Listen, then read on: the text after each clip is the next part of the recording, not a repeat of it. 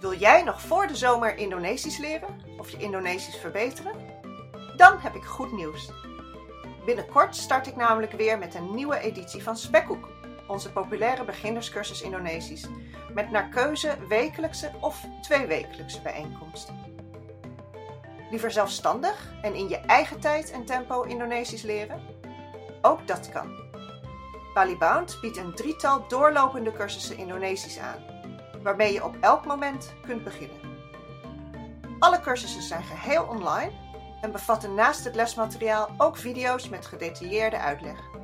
En bovendien krijg je op verschillende manieren online ondersteuning. Dus je loopt nooit vast. Kijk voor meer informatie in de show notes of stuur een mailtje naar claire@iambalibound.com. Sampai jumpa! En wat misten ze het meest aan hun vroegere leven in Indonesië? En wat vonden ze eigenlijk juist wel prettig aan het leven in Nederland? Nou, wat sowieso mijn moeder heel erg miste, was het vrije uitzicht. Mijn moeder woonde, of zijn, mijn ouders woonden daar gewoon in een, een huisje, zeg maar, met een erf. En, een soort huizencomplex, want ik was van het Nederlands Bijbelgenootschap, dus alle werknemers zo'n beetje woonden daar in huisjes op dat terrein. Maar mijn moeder zei dan, liep je zo dus uh, je, je tuin in, of weet je, de, de achterdeur uit. En dan kon ze zo de papayabomen. En weet je, je, je, je was eigenlijk gelijk buiten. Je zag de, ja. de Gunung Salak bij wijze van spreken in de verte. Dus dat gevoel heeft ze gewoon heel erg gemist. Dat gevoel van meteen buiten zijn. En ze zei ook dat toen ze nog in Indonesië woonde en wel eens ansichtkaarten of wat dan ook kreeg van mensen die dus al de overtocht hadden gemaakt. En die stuurden dan bijvoorbeeld een foto van een flatgebouw en dan een kruisje achter een bepaald raam. Dat, daar wonen wij. En dat mijn moeder dan echt vreselijk vond. Dat van, oh, stel je toch voor dat je in een soort pakhuis, zo zag ze dat. En ja, ja helaas is dat dus precies waar wij zijn terechtgekomen, in, in zo'n flat. Vandaag praat ik met Cindy Smits, Indo, verhalenverteller, schrijfster en batikliefhebber.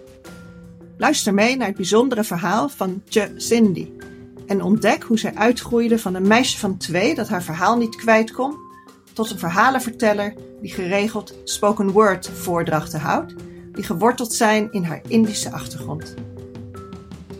We praten onder meer over de volgende onderwerpen. Hoe hebben haar ouders de overtocht en hun verhuizing vanuit Indonesië naar Nederland beleefd? En wat kreeg Cindy daarvan mee als kind? Zit Batteke soms in haar DNA? Hoe voelde het voor Cindy om halfbloed genoemd te worden? En wat heeft dit te maken met stroop en limonade?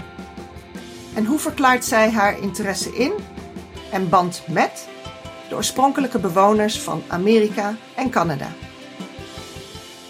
Door in gedachten mee te reizen met Cindy, leer je als luisteraar ook meer over haar spoken word voordracht getiteld Zodra de serpentine scheurde, die gebaseerd is op Cindy's Indische afkomst. En bij de totstandkoming van deze voordracht speelde onder meer haar samenwerking met de bekende Indische auteur Marion Bloem en gitarist Erwin van Lichten, die Javaanse roots heeft, een rol. Geniet van dit extra lange gesprek met Cindy Smit, dat ik overigens in de show notes per 5 minuten heb samengevat. Ayo, kita mulai! En Indonesisch, seizoen 1, aflevering 4. Sunda, storytelling en serpentines. Met Cindy Smit. Mbak Cindy of Ibu Cindy of Cindy misschien? Een ba en Tje is allebei goed. Allebei goed, ja. Van harte welkom bij uh, de podcast Indisch en Indonesisch, waarin we praten over zeg maar, de Indische identiteit en over de Indonesische taal en cultuur. Dankjewel uh, voor mij uitnodigen. Ja, wat ontzettend leuk dat je mee wilt doen. En je hebt een prachtige batik achtergrond, zie ik. Dankjewel. Ja. Is dat een speciale doek voor je? Ja, in zoverre, hij komt uit het nalatenschap van mijn uh, ouders. Ik denk echt vooral mijn vader. Mijn vader heeft echt heel veel bewaard van vroeger, van die tijd. Nederlands, Indië, Indonesië. En uh, mijn moeder is gewoon alles eigenlijk min of meer kwijtgeraakt. Dus na, uh, mijn moeder is in 2019 overleden, mijn vader een half jaar later, in januari 2020. Dus toen hebben mijn zus en ik het huis uitgeruimd. En toen kwam ik dus heel veel koffers en zo met allerlei batikdoeken tegen. Ja. En ja, dus ik neem aan dat dat uh, van mijn vaders kant is. Mijn grootmoeder was een Soendanese. Dus heel veel doeken zijn denk ik ook uit haar nalatenschap. En ik hou sowieso van alles wat batik is. Wat Ja. gebatikt is. Dus ik ben helemaal blij met alle batikdoeken die ik eh, heb eh, verzameld. En dus deze heb ik gewoon hier opgehangen. Dat vind ik ook mooi. Sabine Bol, die is hier een keer geweest. Die vond het ook leuk om al die doeken een beetje na te gaan. Dus die kon mij ook uitleggen. Oh, dit is van jaren 50. Oh, dit is, weet je wat? Ik heb ooit vrij academie gedaan in Den Haag. En dan kon je, was een soort, nu zouden ze waarschijnlijk zeggen snuffel iets, weet je wel, snuffelstage. Snuffelstage, ja, ja, ja. Ja, precies, dat ik van alles kon proberen. Dus ik heb zeefdruk en etsen en ik denk, nou, ik neem mijn kans, ik ga alles proberen. En toen kwamen ze ook bij textiele vormgeving, eh, dingetje batik tevoorschijn. Ik denk, oh, ga ik dat eens proberen. En toen is me eigenlijk dat zo goed bevallen, dat ik echt, nou, toen ben ik alleen nog maar batik gaan doen daar. Toen heb Ah. ik al die andere dingen laten zitten.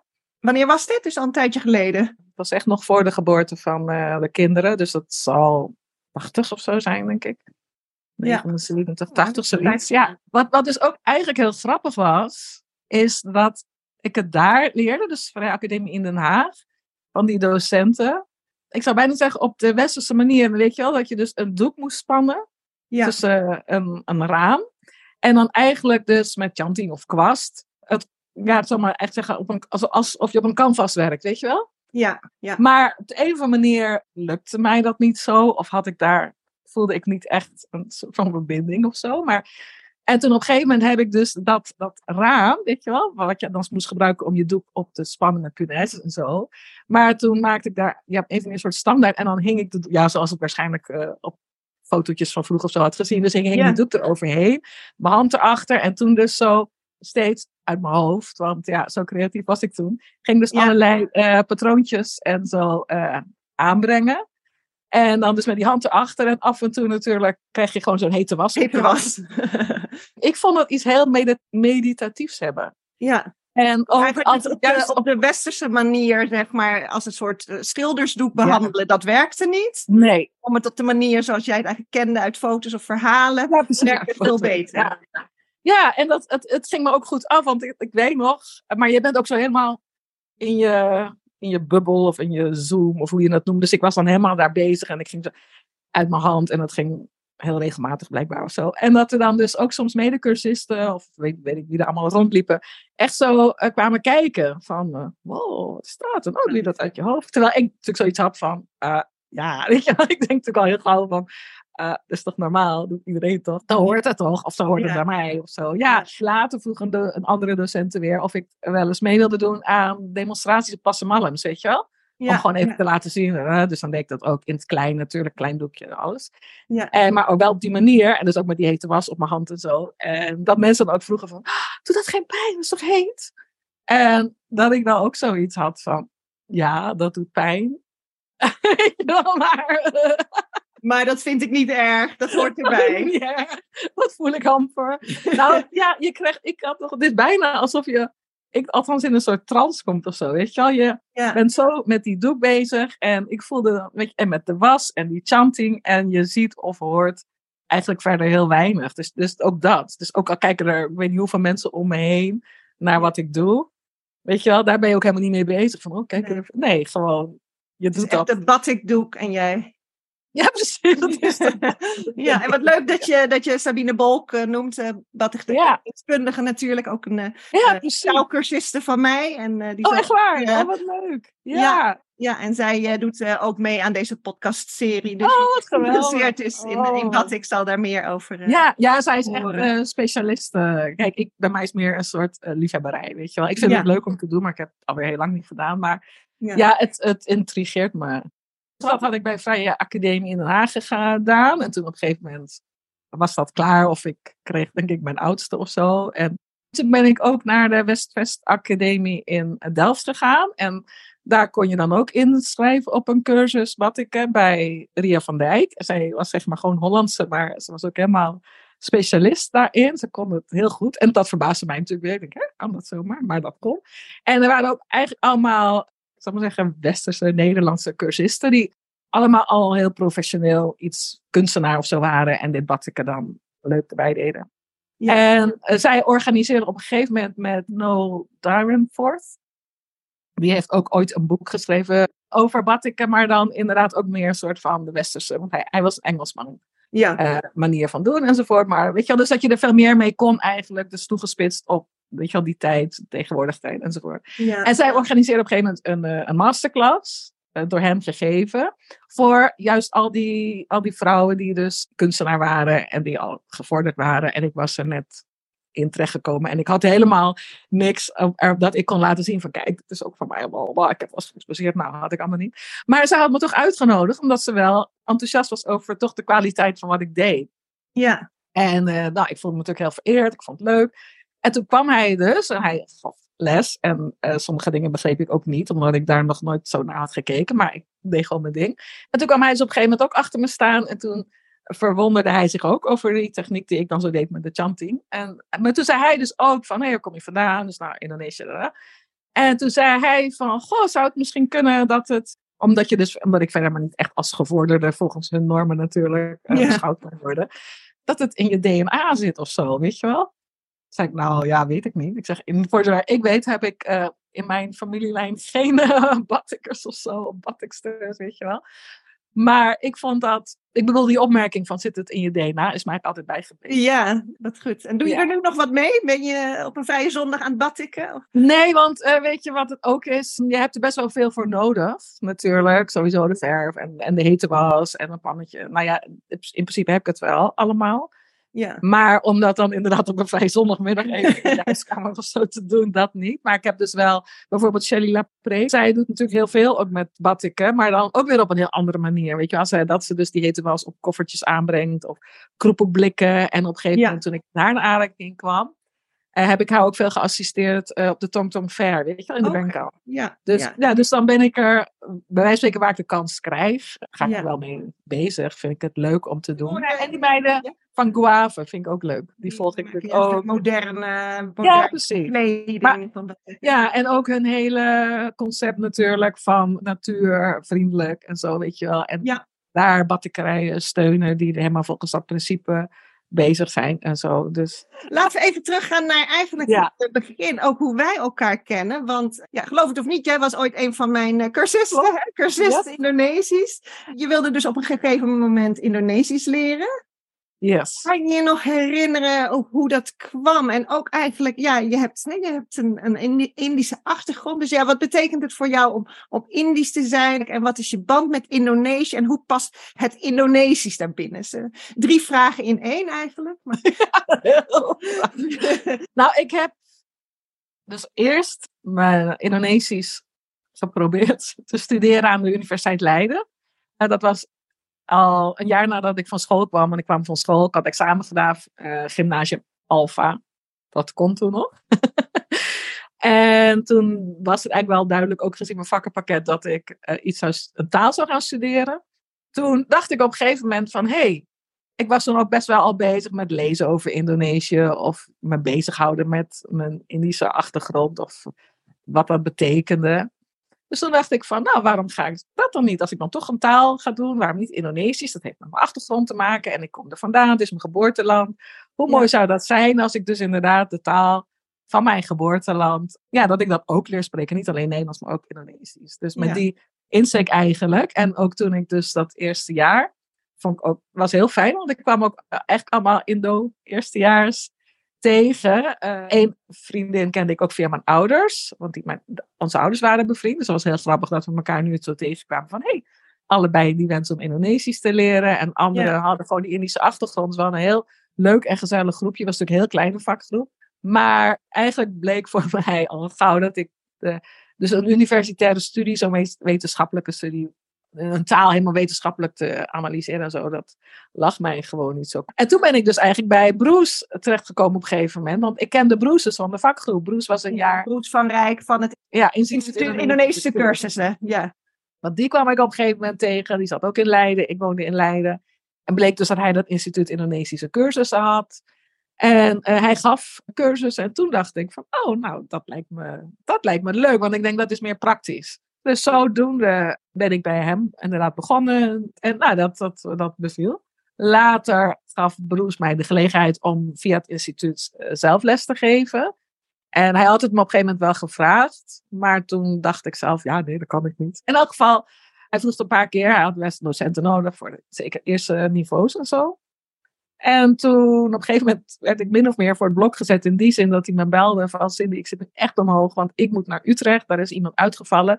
Maar dat is heel kort. Dus ik moet daar naartoe. Het is een gevorderde groep. Er staat een beginnersgroep bij van spreken al voor de deur in uh, Leiden. Wil jij die opvangen en wil jij zo'n lesje doen. En je kent het boek. Desnoods praat je alleen maar als je denkt van, oh, ik kan geen les geven. Hij zegt, dit en dat is huiswerk. Weet je wel, dus hij heeft me toen wel geïnstrueerd. En ik heb die mensen ontvangen. En eigenlijk meteen al kreeg ik ook zo'n idee van, oh, maar dit is leuk. Want het leuke is dan dat ze natuurlijk allemaal geïnteresseerd zijn. Het zijn allemaal mensen met een bepaalde motivatie waarom ze die taal willen leren. Ja. Dus toen vond ik dat zo leuk dat ik toen zei van, oh, nou ja, ik wil wel voor jou uh, de beginnersniveau lesgeven. En ik heb dat ook steeds gedaan, omdat uh, ik vind van het begin, beginnersniveau dus leuk. Omdat die mensen beginnen eigenlijk met nul. Weet je wel, nou ja, nul, maar praktisch nul kennis. En dat ze dan toch, ja, na twee, drie maanden of na een half jaar, bij wijze van zich al op de markt kunnen redden. Of ja. eenvoudige, weet je wel. En dat, van nul naar toch al iets. Dat vind ik gewoon heel leuk om bij mensen dat te zien en dat te doen. Ja, je werd eigenlijk in diepe gegooid. Ja. Uh, zo van, je moet nu ja, precies. En dan, maar ook behalve dat, omdat hij natuurlijk zei van je zou me enorm helpen. En daar ben ik natuurlijk ook weer heel gevoelig voor. Ja. Want helpen, ja, ik wil natuurlijk altijd wel helpen. Als iemand gewoon zegt, hey, wil je dat doen? Dan denk ik, nee, kan ik niet. Als iemand zegt, ik zou enorm mee geholpen zijn als je het nu doet, weet je wel. Dan denk ik, oh, oké, okay, uh, ja, dus goed, ik ga je helpen, weet je Omdat ik dan denk, nou, ik help, weet je wel. Het is niet zo van, er wordt nu echt iets van mij verwacht, maar ik help. Dus toen Bruce aan jou vroeg van kun je me helpen, dan uh, daar ben je nog meer gevoelig voor. Denk je dat dat iets Indisch is uh, om te helpen? Of... Nou, ik denk wel dat het inderdaad is ingegeven toch door opvoeding. En ik denk misschien nog niet eens zozeer door, weet je wel, dat je bent opgevoed met, uh, je moet altijd helpen als je iemand kan helpen, maar ook misschien meer door het voorbeeld. Ja, ja. Dus, en in dit geval natuurlijk met vriendschap, ja, als Bruce zegt van, ik ben echt enorm geholpen, dan denk ik ook van, uh, oké. ja, ja, ja, ja. Maar dat, eigenlijk is dat mooi, want dat heeft je over die drempel geholpen om dan Indonesische les te gaan geven. Toch? Ja. Ja. ja. dat is waar, want het, en, en dat ik het dus ook leuk vond. Het is wel wat je zegt. Ik heb dat misschien nodig, dat iemand me gewoon hup in diepe gooit. Want ik zou uit mezelf zeggen, nee, nee, kan ik niet. Nee, ja. laat maar. Weet je, een ander. Maar als iemand... ja, bescheiden. Ja, dat is misschien ook wel. Want dat mijn moeder uh, roemde eigenlijk altijd, zelfs op de bescheidenheid van mijn vader. Mijn vader was super bescheiden. Ja. En toen wij dus in Nederland kwamen, december 59, en iedereen werd natuurlijk gescreend, mijn moeder ook, en mijn moeder bleek TBC te hebben. Dus die moest naar een sanatorium, die moest daar een uur lang, of een uur was maar waar, een jaar lang uh, kuren. En mijn vader had werk, want dat was een verzalandeerd van de werkgever toen nog in Indonesië. Hij had, had een Nederlandse werkgever, een Nederlands Bijbelgenootschap. Dus die moest gewoon naar werk. Mijn vader, mijn moeder het sanatorium en ik was natuurlijk peutertje van anderhalf jaar. Wat moet je met mij? En toen hebben ze mij in een kinderthuis gebracht. Dus uh, omdat mijn moeder zelf als directrice van een kinderthuis daar het meest vertrouwen in had. Van dat het dan allemaal wel uh, goed zou gaan. Ja.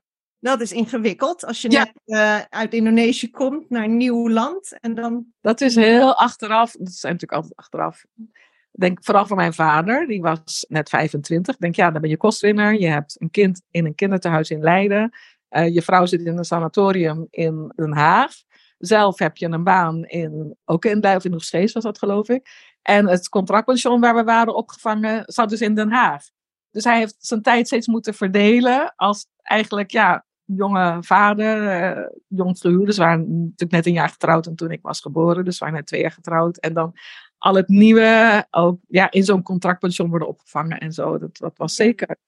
Dat was voor hem natuurlijk heel zwaar. Voor mijn moeder ook. Want ik mocht mijn moeder gedurende dat jaar ook niet zien. Ik mocht niet op bezoek. Ik was twee en ik mocht dus niet op bezoek bij mijn moeder in het sanatorium. Mijn moeder mocht ook haar dochtertje dus niet zien. En mijn vader kwam uh, één keer in de week, of de weekenden langs, om mij dan op te halen om een ommetje te maken of zo. Of naar familie te gaan of, of vrienden. En ik had dus eigenlijk geen idee als tweejarige wie wat mijn moeder was. Nee. Uh, ik kom het, in dat kinderthuis was eigenlijk, ik zeg kinderthuis, maar het was eigenlijk een thuis voor kinderen van ongehuwde moeders. En ik weet nog goed, en sommigen denken van zo, want je, ik was twee, mensen hadden, ja, die kan je herinneren. Maar ik heb wel herinneringen aan dat kinderthuis. Onder andere dat, ja, if, if, voor mijn idee was ik misschien in mijn hoofd, zeg maar, verder dan ik eigenlijk kon uiten. Mm. Want ik, we zaten aan tafel, ik zat gewoon in een kinderstoel. En er werd op een gegeven moment eten geserveerd door onder andere, een, ja, of het een je moeder was, weet ik niet, maar een jonge vrouw.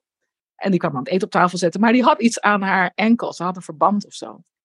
En ik was toen helemaal geïntegreerd, want ik denk, ik dacht echt van, dus ze heeft iets, want ze heeft een verband. Maar ze loopt wel gewoon en ze sjouwt gewoon zware pannen. Maar waarom heeft ze dan dat verband? Wat, wat, wat is dat? En ik was daar zo door geïntrigeerd dat ik bij mezelf dacht van, nou, dat moet ik meer van weten. En toen ben ik van mijn kinderstoeltje afgegleden en in een onbewaakt moment de gang op te lopen, heb ik om het hoekje van de keuken, keek ik. En ik zag dus die vrouw inderdaad gewoon, eigenlijk denk ik, haar keukenwerkzaamheden doen met dat verband om haar enkel. En toen ineens werd ik dus betrapt. Want mocht kind helemaal niet de gang op en zo. zo Nee, natuurlijk niet. Enorm op mijn donder en zo van die, van die leidster. En ik weet nog dat ik wilde uitleggen van, ja maar luister.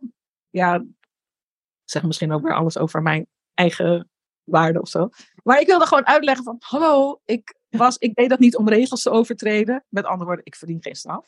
Maar Ja. ik wilde echt uitleggen van, ja, maar ik wilde gewoon kijken wat dat was. Ik was gewoon Ja. nieuwsgierig. Ik wilde gewoon op onderzoek uit. Ik wil, weet je, echt zo van, laat me het uitleggen. Maar ik kon het ook niet uitleggen. Dus waarschijnlijk heb ik Nee. heel hard gehuild, klanken uitgestoten enzovoort. Maar je hebt nog wel die herinnering dat je weet hoe klein eh, als je ook was, dat je dat gedaan hebt en dat je dat dacht.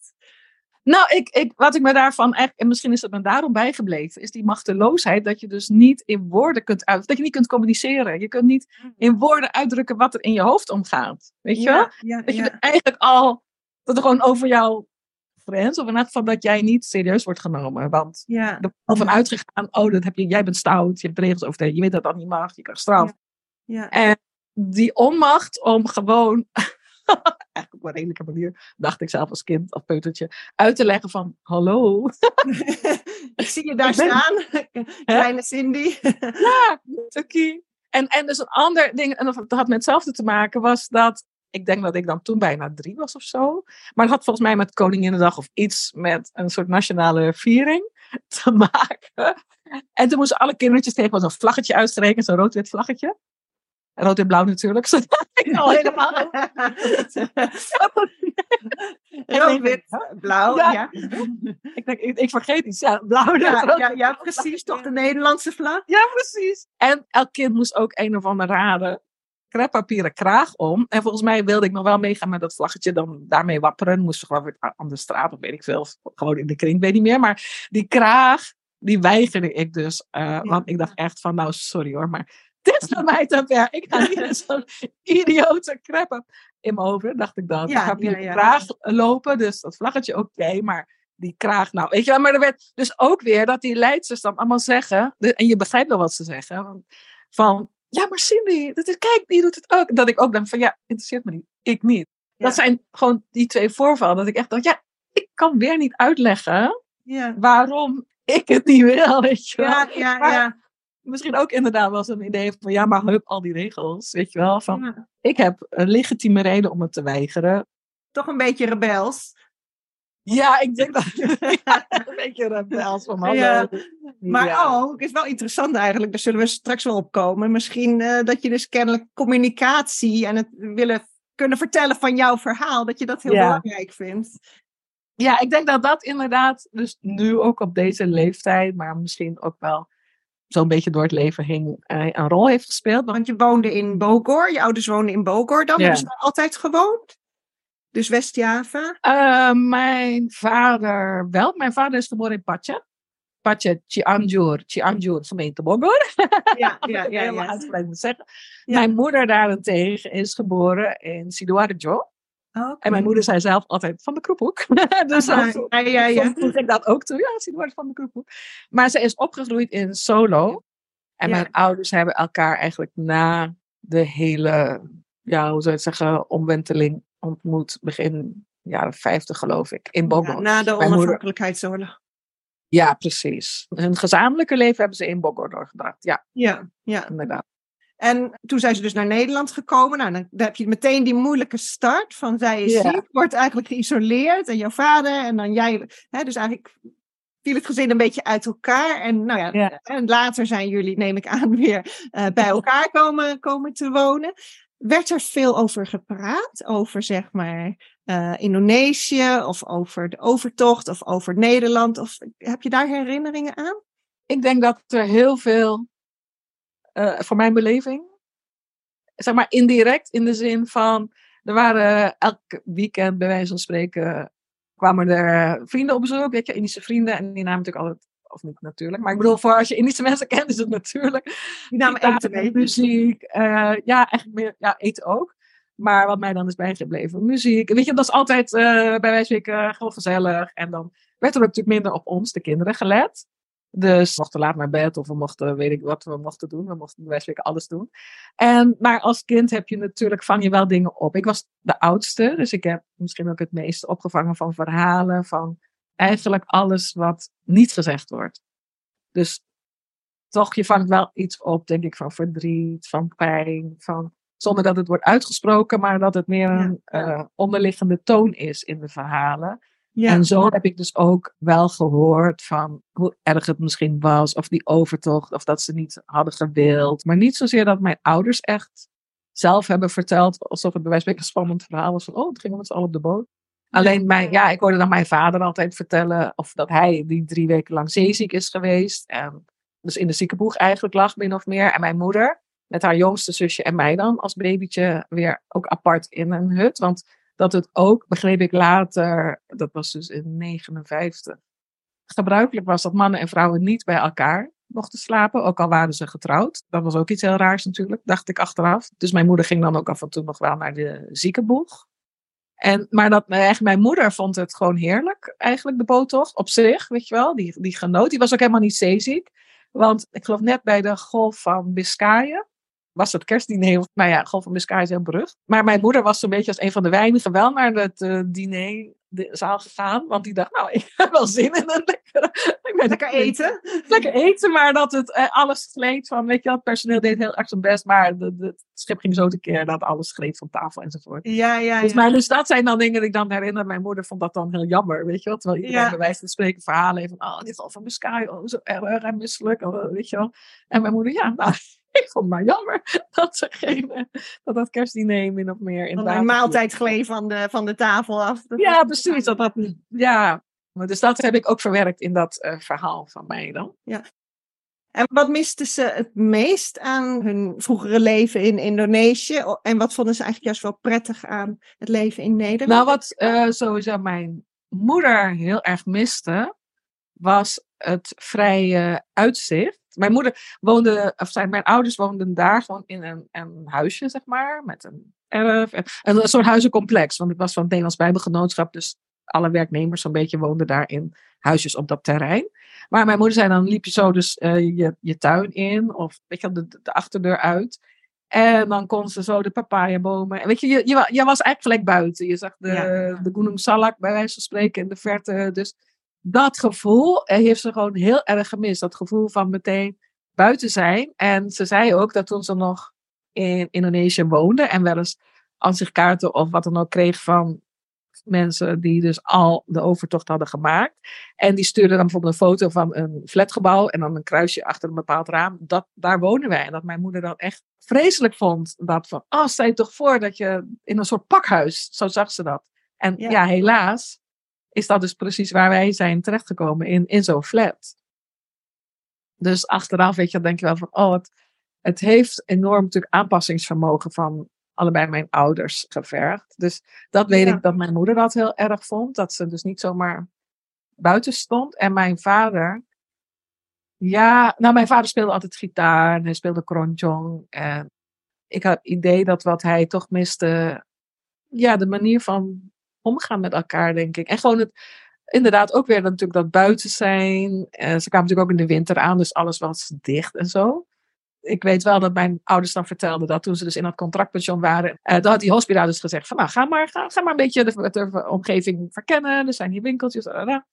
En dat ze toen uiteindelijk onverrichte zaken, ze hadden geen boodschappen gedaan, niks, terug waren gekomen. Dat die hospita vroeg, hè, maar eh, winkels zijn gewoon open, hoor. Gewoon openingstijden. Dat mijn ouders zeiden van, oh, maar wij zagen overal de deuren dicht.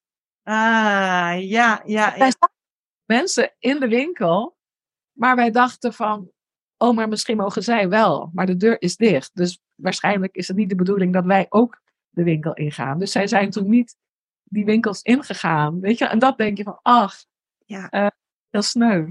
Ja, dus ze hebben gewoon die deur, die deur was dicht, dus daar ga je gewoon niet naar binnen. Nee, precies, want in Indonesië is het natuurlijk als de deur dicht is, is het gewoon toetoep, weet je Ja, wel. ja, is het gesloten? Ja, precies. Dat is voldoende, de deur is ja, dicht. Ja, ach.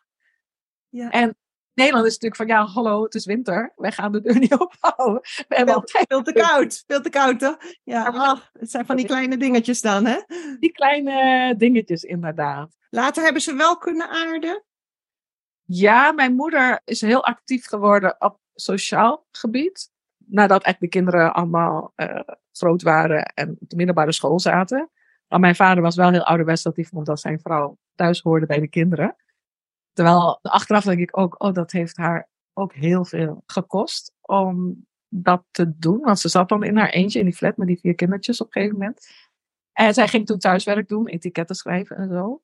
Maar ik denk, ja, als je dus eigenlijk, eigenlijk altijd zelfstandig bent geweest, je bent directrice geweest van een kinderthuis, of ze zorgde toen ook nog voor haar zieke moeder en haar, haar kleinere zusje. En dan ineens zit je dus in Nederland in een flat. En ja, je hebt eigenlijk, behalve dan de weekenden dat eh, natuurlijk iedereen langskwam, verder niet echt een uitdaging, of niet qua werk dan. Hè? Ja.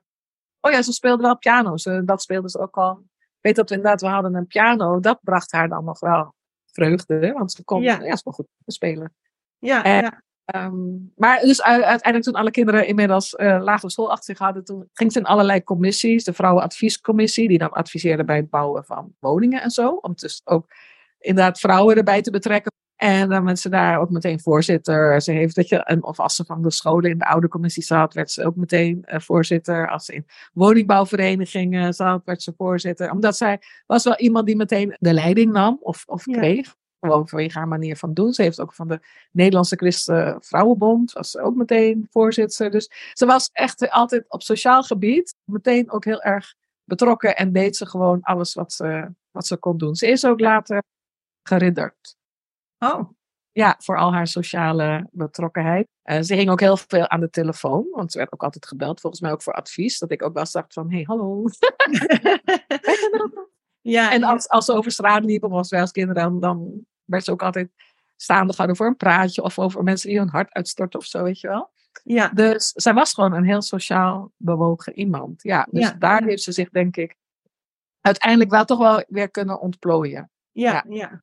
En daar, eh, ja, daar was wel plaats voor ook in de Nederlandse samenleving. Dat, eh, dat heeft Nou, mijn moeder sprak, haar opvoeding was meer Europees. Dus, en zij heeft ook HBS gedaan daar. Dus zij was hoog opgeleid Ja, en welbespraakt. en zeer intelligent. ja, Zij heeft dus daar examen gedaan in Indonesië, de HBS. En zij was ook zeer boos, dat merkte ik ook altijd in verhalen aan anderen. Hoorde ik altijd haar verontwaardiging over dat haar diploma hier niet uh, werd, uh, niet serieus werd genomen of niet werd geaccepteerd. niet werd erkend, ja, ja. Ja, en, dan, en toen zei ze altijd van, nota bene. Ze zei, die diploma's die wij daar gedaan hebben, die zijn ingevlogen vanuit hier. Het zijn exact dezelfde diploma's die jullie hier hebben laten afleggen. Want, en dan zeg je dat van mijn diploma niet gaat. Nou, weet je, dus ja. die ongelijkheid, nou, daar was zij wel echt uh, heel erg boos over. Ja, ja, ja. Ze zegt, wij moesten dus hè, bij dat Europees, dat Nederlands onderwijs, heel Nederland topografisch uit, uh, uit ons hoofd leren. De, de Waddeneilanden, weet je wel, precies het hele rijtje, alles. Zeg, en dan kom je hier en dan weten ze amper waar Java ligt. Of Ja. waar, dus ze zegt, oh, dus het, is, het was niet wederzijds, weet je wel. Indonesië hoorde zogenaamd, in Nederlands-Indië dan, bij Nederland. Maar er werd alleen in Nederland nooit iets uh, over verteld. Terwijl in Nederlands-Indië werd het uit, tot in een treuren over uh, Nederland verteld, weet je wel. Ja, ja. Dus, dat die, nou ja, dus eigenlijk altijd die ongelijkheid heeft ze gewoon, ja, was ze altijd heel verontwaardigd over, ja.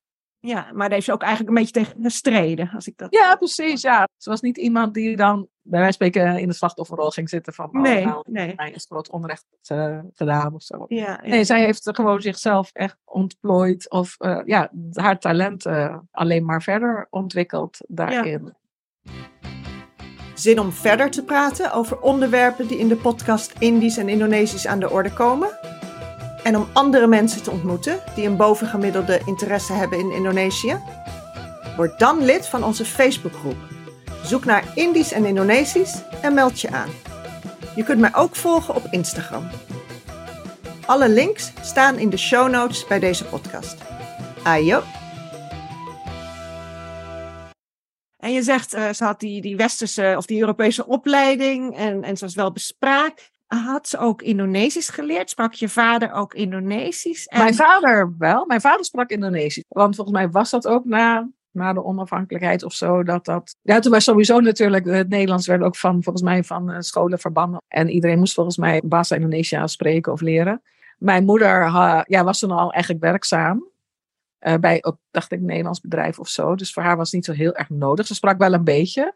Maar mijn moeder sprak, omdat ze in Solo was opgegroeid, wel Javaans. Of ze zal het zeker zelf ook niet zeggen van, eh, weet je, hoog of laag of heel goed. Maar ze sprak wel Javaans genoeg dat zij dan met de kindertjes, de Javaanse kindertjes, naar, vaak naar, meeging naar de arts. Weet je, omdat zij dan kon uitleggen. Dus daar spreekt ook wel weer haar betrokkenheid en haar sociale, dus haar sociale betrokkenheid uit. Ja, Want zij kon dan, ze verstond het Javaans, dus zij Ja. kon die kindertjes op die manier dan ook helpen. ja. En Maar ook zij was- communicatievaardigheden spreken daar Ja. dan, hè? Ja. Ja. precies. Ja, maar zij heeft eigenlijk hier in Nederland eh, daar niet veel meer mee gedaan. Of, Nee. Ik, voor mijn gevoel is de Indonesische kant van de opvoeding is altijd via mijn vader. Mijn vader die Ja. gitaar speelde, die liedjes, eh eh, Kronjong, Ja. die verhalen altijd in aan mij over Kancil vertelde. En, eh, Hij zong Indonesische liedjes ook? Hij zong, ja, zo, nou ja, als die, als die mensen allemaal ja. kwamen dus, dan was het inderdaad van Ayun Ayun. Zo. Ja, ja, tuurlijk. Dus ik ben, eh, ja, nou ja, en country. Ja, ja, ja. Hoeveel heb jij van het Indonesisch eh, meegekregen toen ze eenmaal hier woonde? Nou ja, dus sowieso qua woordjes, dat je eh, toch merkt, denk ik in vergelijking met de Hollandse kindertjes op school, dat je dan toch merkt van, oh, dat is dus blijkbaar anders. Ik bedoel, chips heette bij ons thuis kriepiek. Dat Ja. dat zo. Ja, het kroephoek, nou ja, die kende iedereen wel. Maar ja, dus de chips waren, waren kriep, was kriepiek. Ja, kroephoek en kriepiek. En Ja. als je dan op school wel eens had over, oh, kriepiek, dan hadden ze kinderen zoiets van, hè? Weet je wel, dus ehm, je merkt dan wel ook sowieso aan al die, al die vrienden die dan komen en met de muziek die gespeeld wordt en de kronjong. En dat dat anders is dan van de Nederlandse eh, klasgenootjes, leeftijdsgenootjes. Ja, ja. Ja, ik denk toch wel via mijn vader. Dus ook met de liedjes en de verhalen van Kantjil. ja. En, maar mijn vader was ook best wel streng misschien. Of hij wil altijd, alles moest precies. En dan wilde hij mij volgens mij ook als kind wel Bahasa Sunda leren. Ja, dus de taal Of, van... of bepaalde die op, eh, Sunda liedjes. Ja, dus die in, vooral die in, West-Java gesproken wordt. Precies, want omdat zijn moeder natuurlijk Soendanees was. En zijn moeder eh, sprak ook geen Nederlands. Die sprak Bahasa Sunda of eh Maleis. Weet je zoals het, het Maleis Ja. van toen. Ja, En ik weet heel goed dat als mijn vader mij dan bijvoorbeeld Soendanese liedjes wilde leren, of ik wilde dat ook wel leren, maar dan die uitspraak van die EU, ja. tje, of zo, ja, weet je wel? Want dan, ik las EU, dus dan zei ik tjeu, bij wijze van Ja. spreken. ja. Nee, het is niet tjeu. Het is, je houdt je mond alsof je een eu zegt, maar je zegt meer een e. En dan, nou ja, ik zei het gewoon nooit goed genoeg, dat op een gegeven moment denk ik van, oké, nou, laat maar. Dus hij er misschien ook mee gestopt om je dat te leren? Of heb je wel wat kennis van het Soedanees eh Nou, later kreeg ik, eh, toen mijn vader Soedanees ging, ook weer via Broes van Rijk, ging mijn vader cursussen Soedanees, eh, dus de, de taal leren aan belangstellenden. En want hij zei, hij vond het een mooie zangerige taal. Het was de taal van zijn moeder, dus hij wilde op die manier ook zijn moeder eren. Ja, En toen daar heb ik wat woordjes mee gekregen. Ja. Dat wel. En via mijn vader kreeg, eh, leerde ik ook Soedanese mensen kennen die hier al heel lang woonden. Maar die dus mijn vader ook eh, hoe noem je dat, best wel hoog achten. Omdat hij als, eh, ja, als, als Indo of misschien meer Nederlander dan echt Indonesië. Maar hij was, dat hij zijn taal was taal gebleven en zo. Ja. Dus uh, dan kreeg je wat woordjes mee, maar in de opvoeding hebben we alleen maar woordjes meegekregen. En ja. omdat mijn ouders. moeder kon eigenlijk ehm eh, kon Javaans, maar die, die praatte dan meestal Nederlands, als ik het goed begrijp. En jouw vader die kon dan Soendanees en ook, ook Indonesisch of Maleis. Ja. ja. En hij praatte ook met zijn, eh, met zijn eh, vrienden Indonesisch. Nou, met de Indo, met de Indo-vrienden eh, gewoon. Ja, ja, ja, ja, ja. Dus dat, dus dat krijg je natuurlijk ook wel mee. De, en dat helpt op zich wel als je dus later eh, Indonesisch leert. Die zinstructuur herken je ineens. Dat je Ja. ineens denkt, oh daarom praten ze zo. Het is Ja, gewoon ja. die Indonesische zinstructuur, weet je wel. Ja, ja. En eh, een woord, mijn ouders gebruikten eigenlijk, zeker toen wij nog klein waren, het Bahasa Indonesia onderling als zeg maar, geheimtaal. Want dan konden wij het niet verstaan. En dan kon, denk ik, nou ja, waarschijnlijk vooral over misschien financiële zorgen. Maar ook eh, mijn moeder was natuurlijk na een dag met al die kinderen, nou, al die, die vier kindertjes opgescheept te zitten. En dan zo'n rebelse dochter, die natuurlijk ook altijd eigenwijs en. dus die ging altijd, voor mijn gevoel, haar beklag doen bij mijn vader als hij thuis kwam. En dan hoorde ik, op een gegeven moment leer je dan anak en nakal. ja. En dan wist ik al van, oké, dus dit gaat over ons of over mij. En we zijn Ja, de kinderen zijn stout geweest. Dus dan dacht je van, oké, het is nu misschien tijd om even de kamer te verlaten. Ja, ja, ja, ja, precies. Ja, maar je hebt er dus wel veel best wel wat van, van, van meegekregen. Maar het is niet zo dat je thuis, eh, nou ja, dat je vloeiend Indonesisch hebt geleerd. nee, dat heb nee, we hebben, thuis, eh, later gedaan. we hebben thuis geen Indonesisch geleerd. Nee. Nee. En waren er bepaalde uitdrukkingen die je ouders vaak gebruikten? Nou ja, ik denk eigenlijk is het misschien, ja, misschien wel een cliché, maar als ik dus, hè, nog, nogmaals, die weekenden dat iedereen bij elkaar was. En al die verhalen die dan komen en dan op een gegeven moment toch dat soedah. Van, Ja. ach, weet je wel, ach, al, ach, soedah, ja, weet je wel. Eh, dat, zin van eh, laat maar, hè? Ja, het is toch voorbij, ach, laat maar, het is voorbij, het is klaar, we hebben het er maar niet meer over. Of je kunt toch niks meer aan doen, weet je wel, dat. Ja. En, en dat, jij, eh, dat jij zelf dus Indonesisch bent gaan studeren, hè? zoals je al zei, helemaal aan het begin van dit gesprek. Had dat er ook mee te maken dat je zeg maar, eh, steeds meer nieuwsgierig werd naar nou ja, je Indische identiteit, naar je Indische achtergrond? ik kreeg wel op een gegeven moment de behoefte om inderdaad mijn Indonesische achtergrond wat meer te onderzoeken. Of nou, misschien meer ook verbinding mee te zoeken. Ja. Ja, Omdat ik me eigenlijk, hoewel ik hier ben opgegroeid en niet daar, ik me hier ook eigenlijk niet heb thuis gevoeld. Omdat ik, nou toen was ik lagere schoolleeftijd of zo. En ik moest lopen naar mijn, naar mijn school, lagere school. Passeerde ik dan een andere school, openbare school. En die kinderen daar, die, ehm, voor mijn gevoel was het, moest ik altijd door zo'n walk of shame, weet je wel.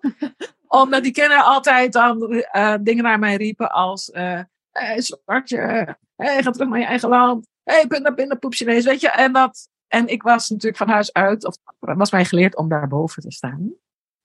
Dus eh, niet op in te gaan, eh, niet te gaan vechten of eh, ordinair een ruzie of zo, weet je. Dus gewoon sta daar als kind, weet ik natuurlijk helemaal niet wat dat is, erboven staan. Behalve Nee. dat, dat betekende dat ik het dus allemaal moest negeren. Terwijl ik maar dat gebeurde regelmatig, dat je langs die dus school voor mijn gevoel eigenlijk gewoon elke dag. En elke ook dag. Ja.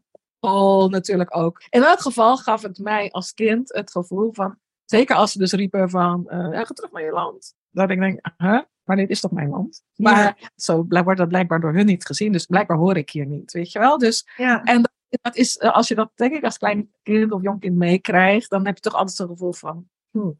Ik weet nog wel ook inderdaad, dan, je krijgt dat gevoel van, oh, dus ik hoor hier dus niet. Oh, oké. En als dan op school bijvoorbeeld werd verteld, lagere school dus, over het Koningshuis of zo, eh, of het volkslied, eh, ben ik van Duitse bloed, dacht ik, hm, nou, ik dus niet, hè? Want, eh, want, eh, dus dat soort dingen, weet je. Dat ik helemaal geen affiniteit voelde of zo met dat volkslied. Of dat ik, ook als het hadden over, ja, en onze voorouders de Batavieren, dacht ik ook van, ja, jullie voorouders. Je, in mijn hoofd zat dat dus eigenlijk steeds. Van, dat ik dus voor mezelf ook een onderscheid ging maken van, ja, jullie, jullie Ja. Holland, jullie, niet over mij, hè, want mijn geschiedenis ligt daar. Ja. Omdat mijn, een van mijn exen heeft dat ooit uitgezocht, dat zeven generaties lang hebben wij in Engels-Indië gewoond, weet je wel. Dus ja. dan- ja, hallo, er is wat Europees bloed eh, stroomt er wel door mijn aderen, maar eigenlijk kom ik gewoon daar vandaan, weet je wel. Ja, ja, ja. Dus dat heeft waarschijnlijk een grote rol gespeeld in het toch opnemen van het, van het Indonesisch. Nou, inderdaad, want zelfs op de eh, middelbare school werd natuurlijk ook, eh, zette zich dat voort van zwartje of wat dan ook. Poep Chinees. Maar wat, wat dus ook op een gegeven moment was, dat in de brugklas een, een wit Nederlands meisje, in elk geval klasgenoten vroeg aan mij van, hey, ben jij halfbloed? Zodra ze me zag.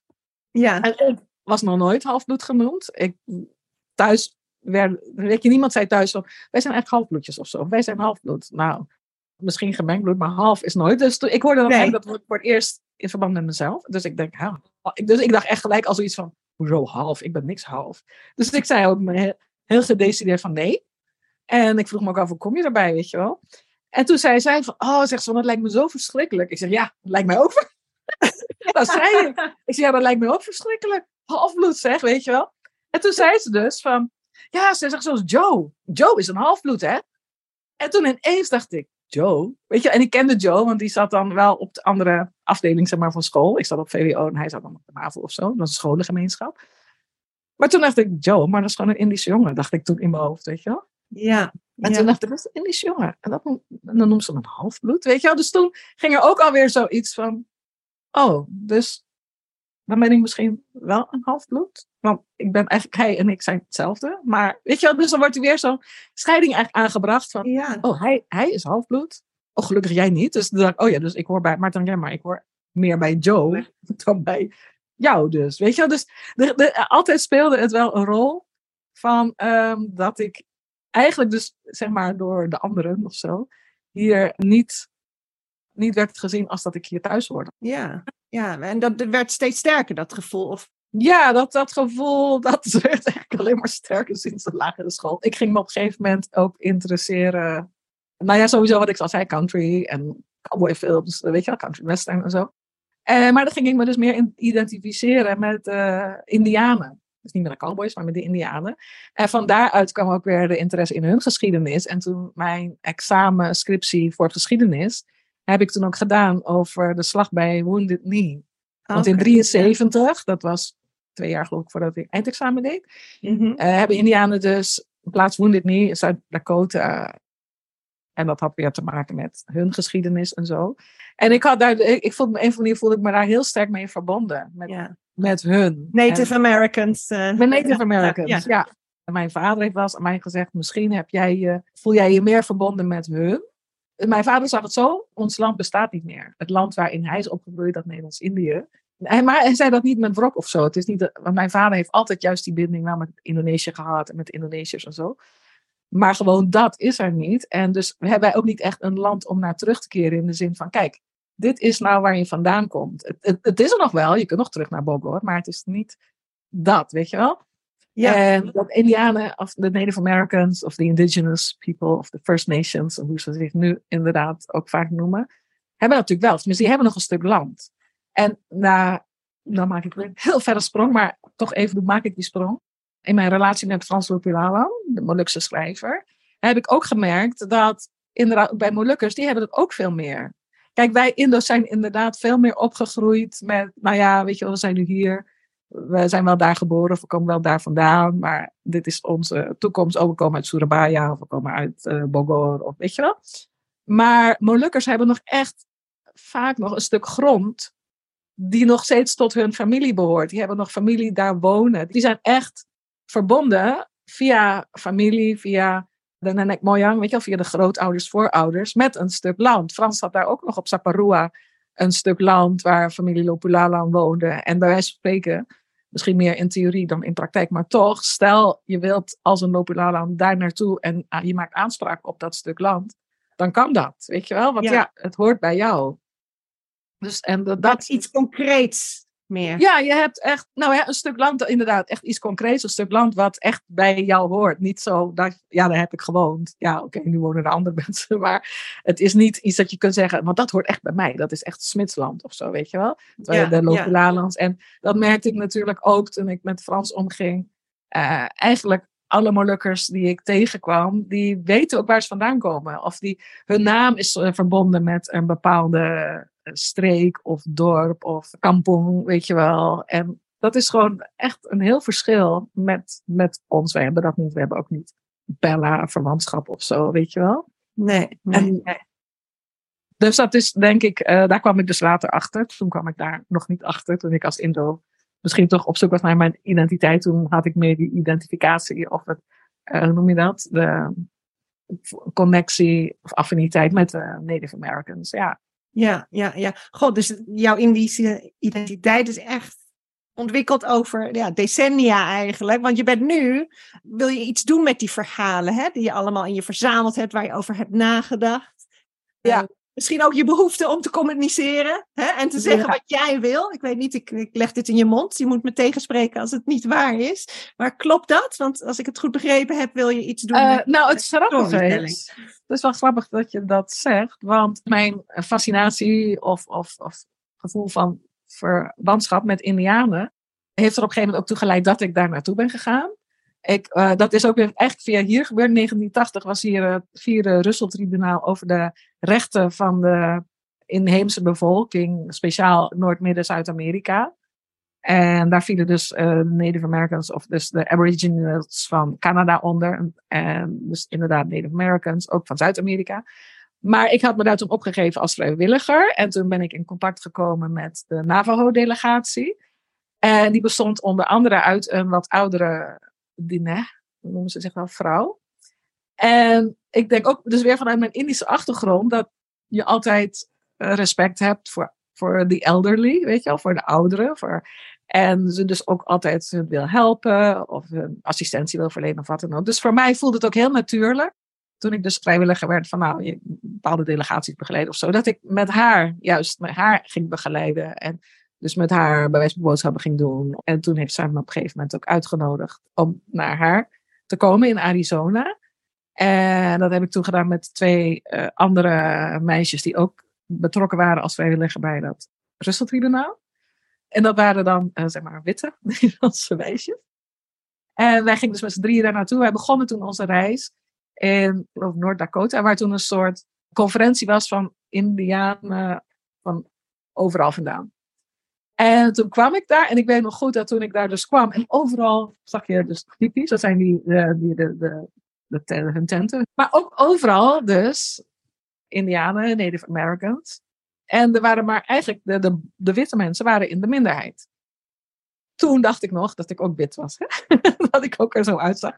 Dat me natuurlijk toch altijd wel geschaard, een beetje, ondanks mijn idee van ik ben Indisch. Maar, maar toen op een gegeven moment merkte ik dus dat die twee, als we met z'n drieën waren, die twee witte vriendinnen werden dan aangesproken. Van, goh, waar komen jullie vandaan? En ik niet. Niemand vroeg van de Indianen waar ik vandaan kwam. En later bleek dat ze er gewoon van uitgingen dat ik een van hun was. Maar dat ik bijvoorbeeld uit Canada kwam. Want Ah. India, Canada hadden ook allemaal krullen. Ja, ja, ja. Dus, ja, dus voor, dat, dat was toen voor mij natuurlijk ook wel iets van wow, weet je wel? Niet alleen voel ik affiniteit met hun, maar ze zien me zelfs als een van hun. Ik, ja. dus, en toen vond er ook een soort shift plaats. Van dat ik ineens, eh, bij wijze van spreken, ja, zeg maar in mijn hoofd, me meer aan hun kan scharen. Dan denk ik, oh, ik hoor bij hun. Weet je wel? Ik zie eruit als hun. En, dus ik ben niet wit. En ik merkte dat ook als we dan bijvoorbeeld gingen reizen, want Indianen werden ook heel erg eh, eh, gediscrimineerd. En ook als je als witte vrouw met Indianen omging, nou, dan, dan was je bij wijze van spreken ook zeg maar, het laagste van het laagste. Dus dat vaak die twee Ja. vriendinnen, als we dan op stap gingen, die werden gediscrimineerd door andere witte mensen of zo. En ik werd gewoon ook door de witte mensen gezien als ik hoorde bij de Indianen, weet je wel. En maar het mooie was wel dat ik dus heel veel overeenkomsten merkte. Want zij zijn ook erg van grapjes maken en elkaar plagen als teken van dat je elkaar mag, weet je wel. ja. En de Indische mensen doen dat ook. Ik bedoel, je, je bent echt elkaar constant een beetje aan het eh, plagen of zo. Ja, Of ja. grapjes maken. En, en misschien is dat denk ik ook wel Indisch, want ik heb ook gemerkt dat mijn zeg maar, Indonesische eh, vrienden, die doen dat eigenlijk ook. Als je ergens bent, je hebt het gezellig. Eigenlijk is het altijd lachen en grapjes maken. Ja. En maakt niet uit waarover. Al- Alles is ook leuk en de humor is misschien een beetje plat, maar des te leuker of zo, weet je wel. en het, eh, maar het gaat er gewoon om, je bent met elkaar en je lacht met elkaar. En dat merkte ik bij die Indianen ook. Ja, het is gewoon leuk. Je, je, je plaagt elkaar, maar altijd op een goed bedoelde manier. Ja, Ik ga niet zeggen van, oh, ik vind jou wel aardig of nee, je bent grappig. Nee, je, je, je plaagt elkaar juist. En, maar ook de gastvrijheid. Dus als je dan bij Indiaanse families op bezoek kwam, Dat ze dan ook alles delen wat ze hebben. Ze bieden jou iets aan en jij geeft hun weer iets in ruil. Op een gegeven moment reisden we dus richting Arizona met uh, een, een, delegatie van Indianen naar die conferentie. En dan eigenlijk, dus natuurlijk een enorme afstand. Dus overal kom je dan weer bij bekenden op reservaten. En al kwamen we soms midden in de nacht aan. Dan werd er dus voor ons, want wij waren dan gasten, plaats gemaakt. Dus er werden kinderen uit bed gehaald en in het grote bed gestopt. Zodat er voor ons plek was om te slapen. En dat herkende ik dus ook weer uit eigenlijk de Indische cultuur. Kijk, ja, dat doen wij ook. Van nou, met z'n allen Weet je, het, het kan altijd. Als er familie of vrienden komt, die kunnen altijd blijven slapen. Die kunnen altijd langskomen. Je, je schuift maar op of je deelt je eten. Ja, dan, je kan altijd mee eten. Je kan altijd mee eten, ja, precies dat. En dat hadden zij dus ook. Dus ik had wel zoiets van, oh, ik voel me hier helemaal thuis. En later kwam ik in contact. Dat was al begin 2000, denk ik, of zo.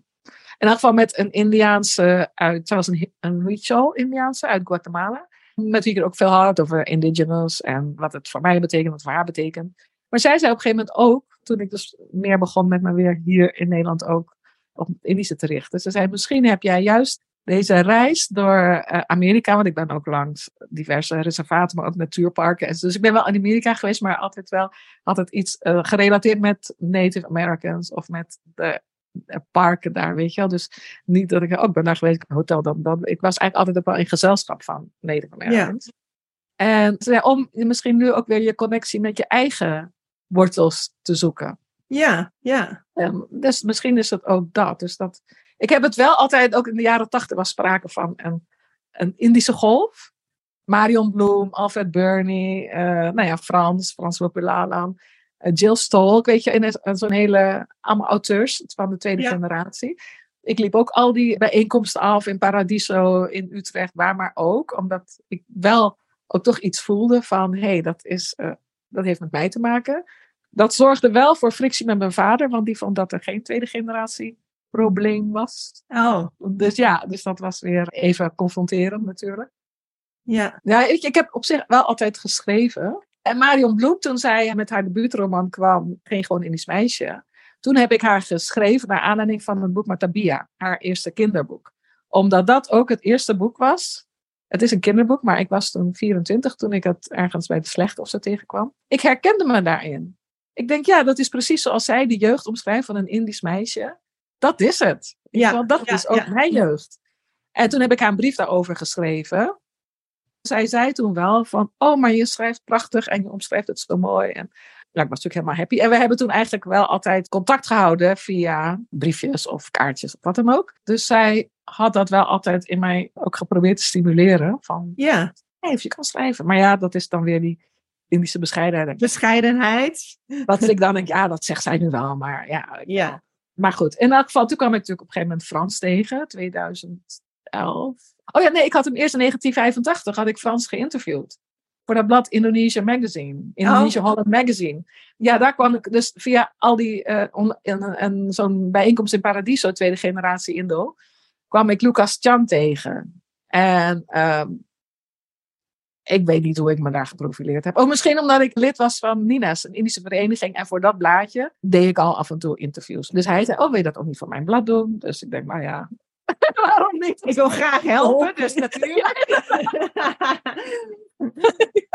dus, en toen heb ik voor zijn blad Ernst Jans geïnterviewd, Yvonne Keuls, Wiedeke van Dort, de, de Blue Diamonds enzovoort. Nou, dat was allemaal heel erg leuk. En toen op een gegeven moment, dus ook Frans, Frans Lopulalan, dat was dus in 85. En zoveel jaar later kwam ik hem tegen, 2009 geloof ik, of 2010, in de bibliotheek in Utrecht. En want hij hield daar een lezing. Dat was ook een van de Indische bijeenkomsten of zo. En hij had echt een heel mooi verhaal. Gewoon, waar je echt helemaal stil van wordt over zijn moeder. Maar echt zo mooi.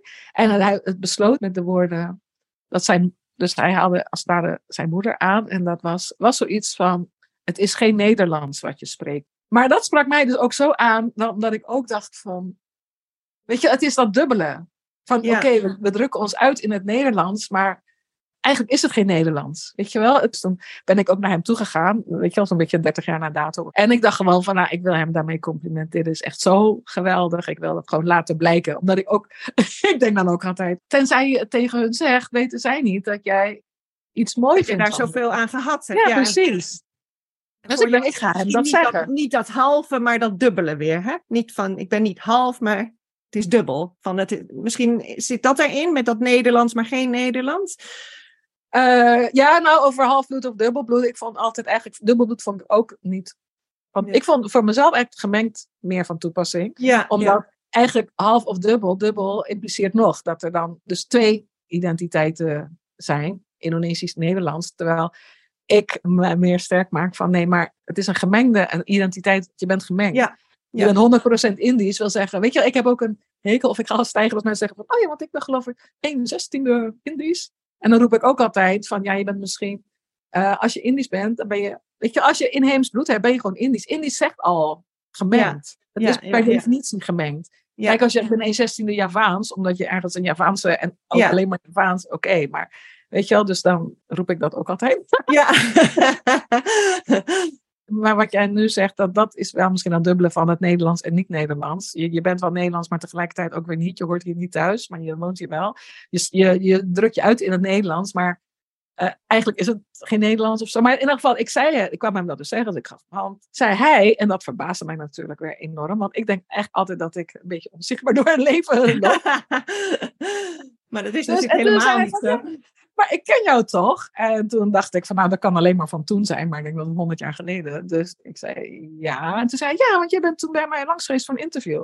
En toen dacht ik, nou, dat is wel heel eh, apart dat dat zo lang na dato. Maar toen zei hij ook van, ja, want jij was de enige die iets had meegenomen. Je had spek ook meegenomen. En al die andere journalisten die daar maar langs waren gekomen, dus niet. En toen dacht Nee. ik nog bij mezelf van, dat is misschien ook Indisch. Geleerd van mijn moeder, als je ergens op bezoek gaat, je neemt altijd iets mee. Je komt nooit met lege handen, weet je wel?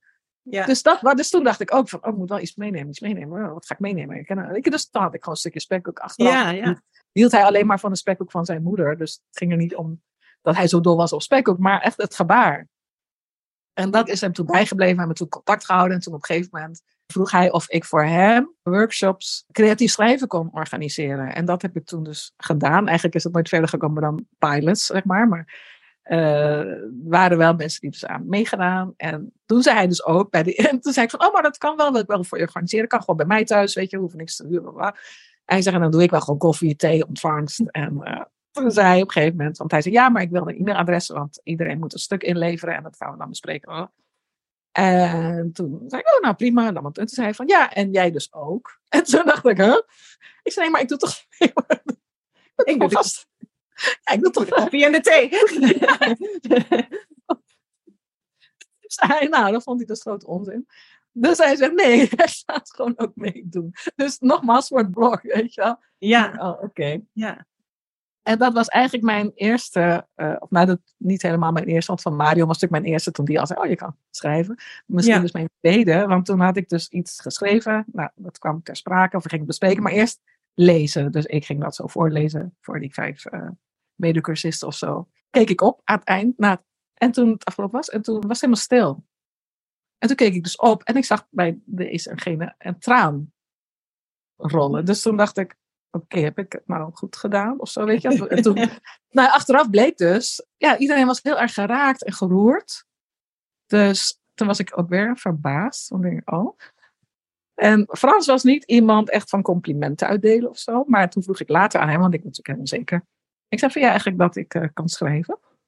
En toen zei hij, iemand die bij anderen zodanige gevoelens weet op te roepen, dat ze, dus ontroering, emotie, ja, zegt hij, die kan schrijven. ja. Nou, dat was het, daar kon ik het dus mee doen.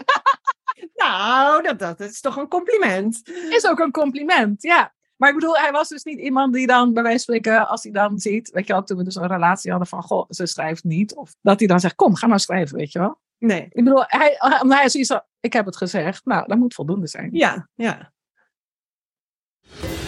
Zin om een klein beetje Indonesisch te leren? Meld je dan aan voor mijn gratis minicursus, inclusief mini-video's en tekst en uitleg. Alle details staan in de show notes. Ayo! Dus ik heb daar toen ook nog steeds niks, niet echt wat mee gedaan. Tot dus Marion, toen ze mij vroeg, wil jij eh, mij helpen met een theaterstuk te, te, produceren? En, maar dat was dus al na de dood van Frans. En ik had eigenlijk na de dood van Frans, dat wat vrij eh, toch wel vrij onverwacht en snel is verlopen allemaal. Dat ziekbed, sterfbed. Zoiets van, nou weet je, alles wat... Ik had het gewoon gezien van, het leven kan dus eigenlijk ineens...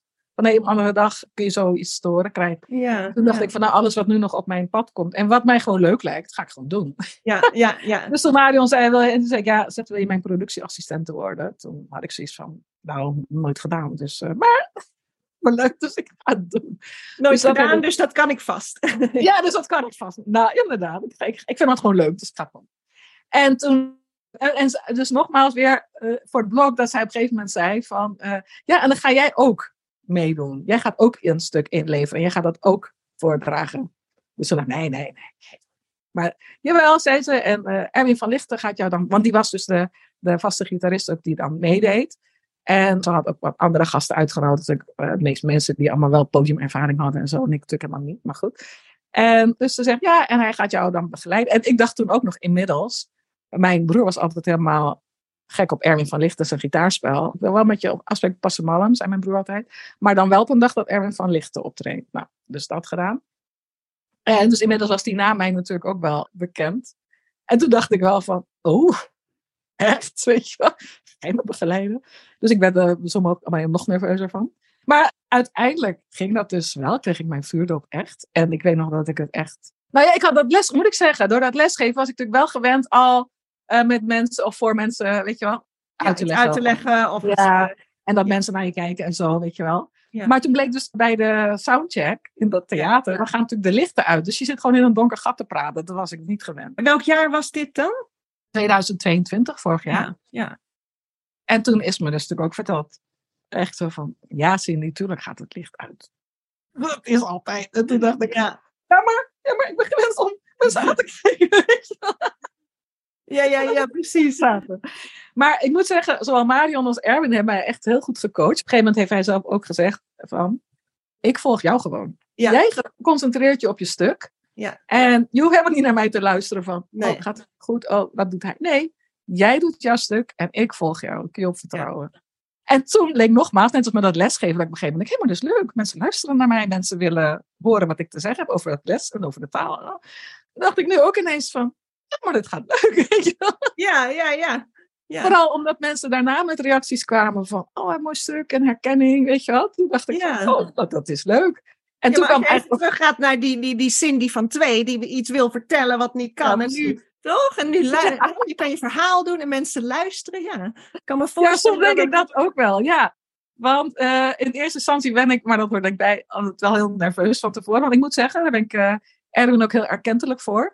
Dat hij me daarna ook nog wel eens heeft uitgenodigd. Als hij ergens wordt uitgenodigd voor een show, voor een, een, optreden.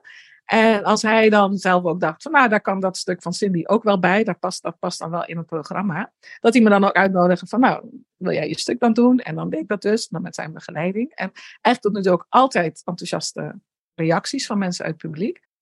En toen dacht ik ook bij mezelf van, ja, dat is eigenlijk wel... Ik had nog niet echt die link gelegd, wat jij nu legt. Maar dat ik wel dacht van, zo, nu sta ik hier op het podium. En jullie luisteren nu eens naar mij. Weet je wel, gewoon dat, dat idee was er wel. Waardoor ik, nou, ik kreeg vaak te horen dat ik dus, dat ik ook heel rustig kan praten. Dat ik de mensen meeneem. Dat ik de pauzes op de juiste momenten hou. Nou, dat is allemaal iets, eigenlijk wat ik niet eh, heb geleerd. Maar wat ik misschien automatisch doe of zo. Wat je van nature hebt. Ja, dat denk ik. Maar normaal gesproken, zoals nu, ben ik natuurlijk van, ah, die daar, die daar, klets, klets, klets. Oh, dit. Oh, by the way, nee, nee, zus. Oh, nee, ik bedoel eigenlijk dat, weet je wel. Maar als ik natuurlijk mijn tekst, die ik dan in mijn hoofd heb, nou, het is wat je zegt, dan is het ook alsof er toch een soort transformatie plaatsvindt van zo. Ik ga jullie nu wat vertellen, weet je wel. Ja, ja. En ik ga dat doen op zo'n manier dat ik ook echt jullie aandacht vasthoud. Ik denk, het is wel een wisselwerking. Als ik Tuurlijk. natuurlijk toch zie of voel dat mensen zeg maar eh, vol aandacht luisteren, dan, dan geef je ook dat, weet je wel. Dat is eigenlijk eh, wat ik dan nu doe. dat storytelling. En dus zo gaat het inderdaad, zit er een bepaalde ontwikkeling wel in. Ja. En ook Passar Leiden is vorig jaar voor het eerst georganiseerd. Heb ik contact gelegd met de organis- de derde generatie. Dat vond ik ook dan weer helemaal geweldig als derde generatie Ja, bezig is. En toevallig, het grappige is dat een van die vrouwen die dat organiseert, is dus weer een. Want jij zei net, eh, ik ben jouw ex-cursiste. Maar dat Ja. is dan weer malige cursiste van mij. van jou. Ja, ja, ja. grappig Wat hoe goed. dat is doorwerkt. Absoluut. En uh, wij hebben die dus gevraagd of ik die voordracht van mij wil doen, maar dan dus alleen, zeg maar. En het dan ook in combinatie met, of, of uh, dat het gebruikt wordt als een soort inleiding tot een soort, ja, niet, niet echt discussiestuk van dat mensen in discussie moeten gaan, maar wel dat ze erop kunnen reageren, weet je wel? Ja. Omdat dus ook die meiden iets willen van, dat het ook wel iets educatief, maar ook interactief en zo. Ja, ja. Om de sfeer ook een beetje te zetten, of niet? Nee, de geschiedenis. En dat stuk waar ik nu dan uh, de ronde mee doe. Of, uh, ja, ja, ja. Um, dat heet, ik noem het dan Serpentines. Maar dat, is, uh, dat gaat dus eigenlijk over de, wat ik dus die tantes ook allemaal heb horen zeggen op een gegeven moment van. En wat ik ook later steeds terug hoorde over die, die serpentines die dan breken. Weet je wel? Ik weet niet of het jou wat zegt. Serpentines die breken, kan je het uitleggen? Dus dat is ook iets voor mij, is dat dan zo, heb ik zo vaak gehoord. En als ik mensen tegenkom die dat ook herkennen, denk ik, ja, iedereen kent dat. Maar toen ik het dus aan, uh, inderdaad op Marion en Erwin uitlegde, van ja, het gaat daar over de serpentines en dan breken ze. En toen had ik de tekst ook voorgelezen. En toen hadden ze eigenlijk allebei zoiets van, ja, maar wij kennen dat niet. Ja. Waar het dus om gaat is dat vroeger toen de, de boten, ook eigenlijk op vakantie of op reis, weet je wel, die, die enorme schepen, die gingen dan weg. En dan als een soort afscheidsritueel werden er dan door de, vaak geloof ik door de kapitein of door de bemanning al, aan alle passagiers serpentines uitgedeeld. En die, die gooide je dan zo uit. En dan degene op de kade vingen die dan op. En dan was een soort uitzwaaierritueel. En dan was het Ja. reizen. Dus echt een hele een leuke, ontspannen of ja, vakantiestemming. Ja. Maar in mijn geval, of in het geval zoals ik dat heb meegekregen uit verhalen van, dus, ik zou maar zeggen, de tantes, de eerste generatie, dan kwam eigenlijk altijd dat verhaal van, ja, oh, weet je, en dan, dan sta je daar en je houdt die serpentine vast. En dan, ja, en dan breekt die en dan, ja, dan, oh, weet je wel. Dus zo van, dan, dat is die band, die is dan verbroken. Je hebt nog, door die serpentines heb je nog even contact met degene daar op de kade, hè, familie of wie dan ook. En Ja. als dat dan breekt, dat, en dan voelde ik gewoon dat daarmee ook het hart breekt. Weet je, wel, van Ja. ja, nu ben je echt los van je, van je moederland. Ja, dit is het nu. Nu ga je die onbekende toekomst tegemoet. En dat vond ik dus zo symbolisch. En die tekst heb ik eigenlijk geschreven ter gelegenheid van het overlijden van mijn moeder. Ik heb dat toen in de kerk eigenlijk al voorgelezen. Omdat ik zoiets had van, weten jullie, goed gemeente in deze kerk wel, wie mijn moeder was? Of weten jullie wel, beseffen jullie wel wat dat Indisch zijn? Want eh, weet je, soms hoorde ik wel eens mensen, ja mevrouw Smits, ja, was ze niet Indisch? Want mijn moeder was ook dus wel, omdat zij ook jarenlang als ambtenaar van de burgerstand in Leiden uh, huwelijken heeft gesloten. En dan had ze ook altijd natuurlijk haar verhaal. En, en ze verwelkomde vaak de mensen met pianospel in het Leidse stadhuis en zo. Dus, en dan dacht ik, ja, maar weten jullie wel wat dat inhoudt? Wat, wat eigenlijk onze geschiedenis. Dus daar, dat, dat is eigenlijk waar die tekst dan ook over gaat. En de boottocht en die golf van Biscayen. En dan mijn eigen terugkeer met mijn ouders op een gegeven moment naar Bogor. En nou ja, dus een beetje dat. Ja. En um, dus het, het, het, alle, alles zit er eigenlijk zo'n beetje in, in een notendop, maar het nodigt inderdaad wel uit. Nou, tot dus uh, praten, omdat ik dus ook heb gemerkt als ik het dan voor heb gedragen in zo'n programma, of dat mensen naar mij toe komen en dan ook hun verhaal vaak vertellen. Of in elk geval wat het met ze heeft gedaan. Ja. En, of wat het hun duidelijk maakt. Zoals op een gegeven moment zeg ik ook ergens dat als ik dus in Bogor loop en dat ik dan in de, in de gezichten van de mensen om me heen gelaatstrekken zie die mij dus vertrouwd voorkomen.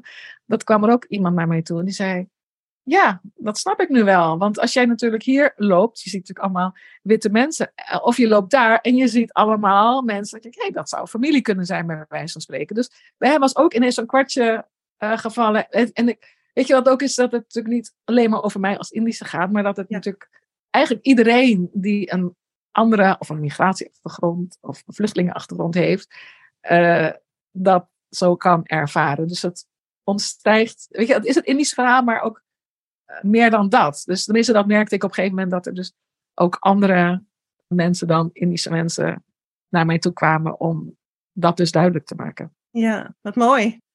Gaat het jou ook uh, zeg maar, om die connecties die je dan na afloop uh, voelt zeg maar, met mensen? Of ja, ik vind het belangrijker bij wijze van spreken dan de voorstellingen zelf. Ben je vooral benieuwd wat het losmaakt bij mensen? Of, uh... Uh, allebei, denk ik. Als ik daar op het podium sta, inderdaad is het ook wel natuurlijk dat ik de connecties ook. Ik heb gemerkt Toen bij Marion wist ik natuurlijk wel, nou ja, toen zat ook familie van mij. En dat het, eh, omdat ze van Marion kwamen, weet je natuurlijk ook van nou, voornamelijk Indisch publiek. Dus dan heb je ook Ja. echt idee van wat ik vertel, heeft wel, komt wel binnen. Of weet je wel.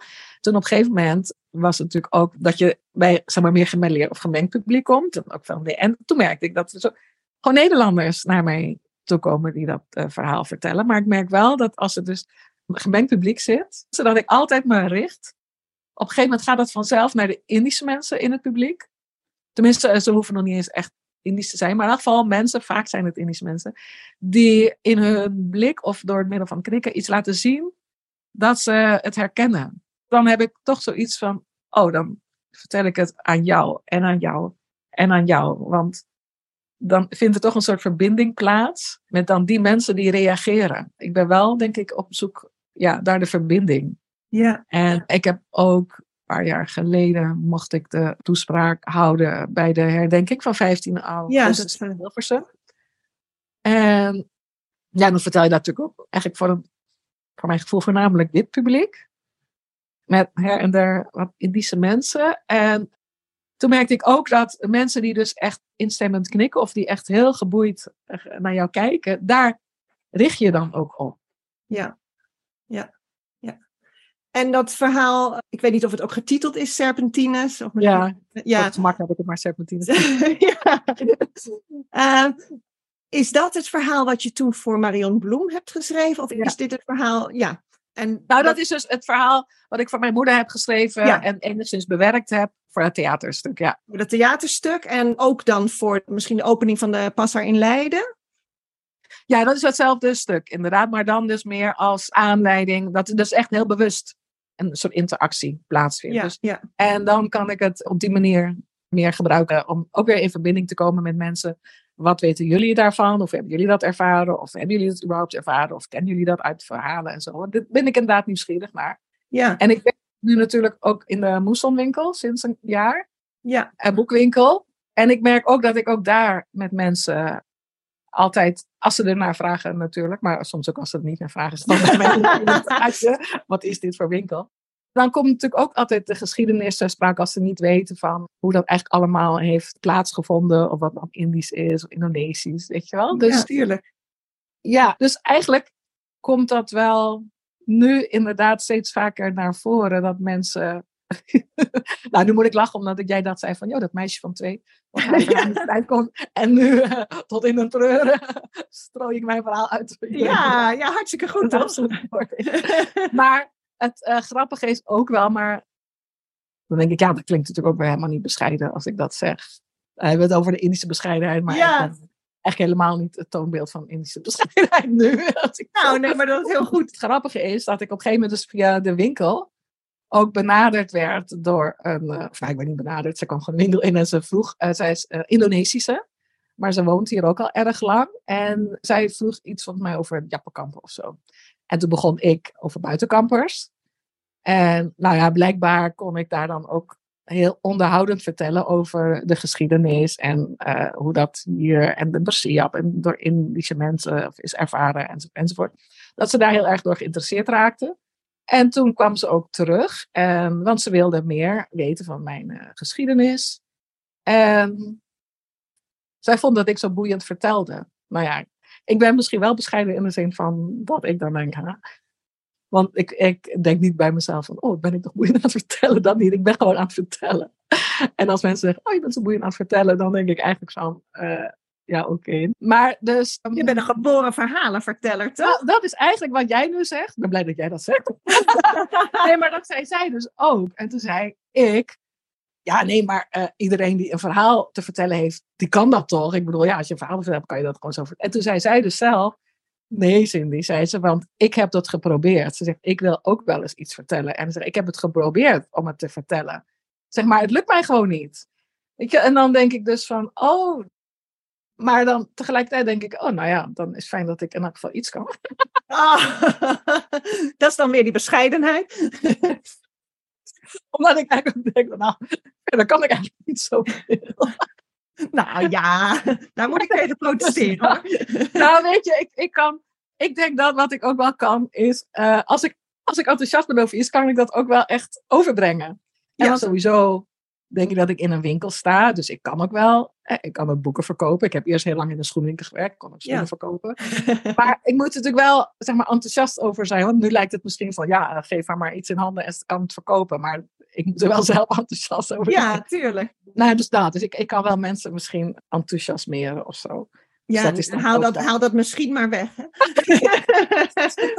Ja, de basis is natuurlijk wel, dat is eigenlijk gewoon mijn leven. Stof genoeg. Ik wou net zeggen, ja. Inderdaad. Ja, Daar kan ik dan wel uitputten. Ja, nee, ja, maar dat, ja.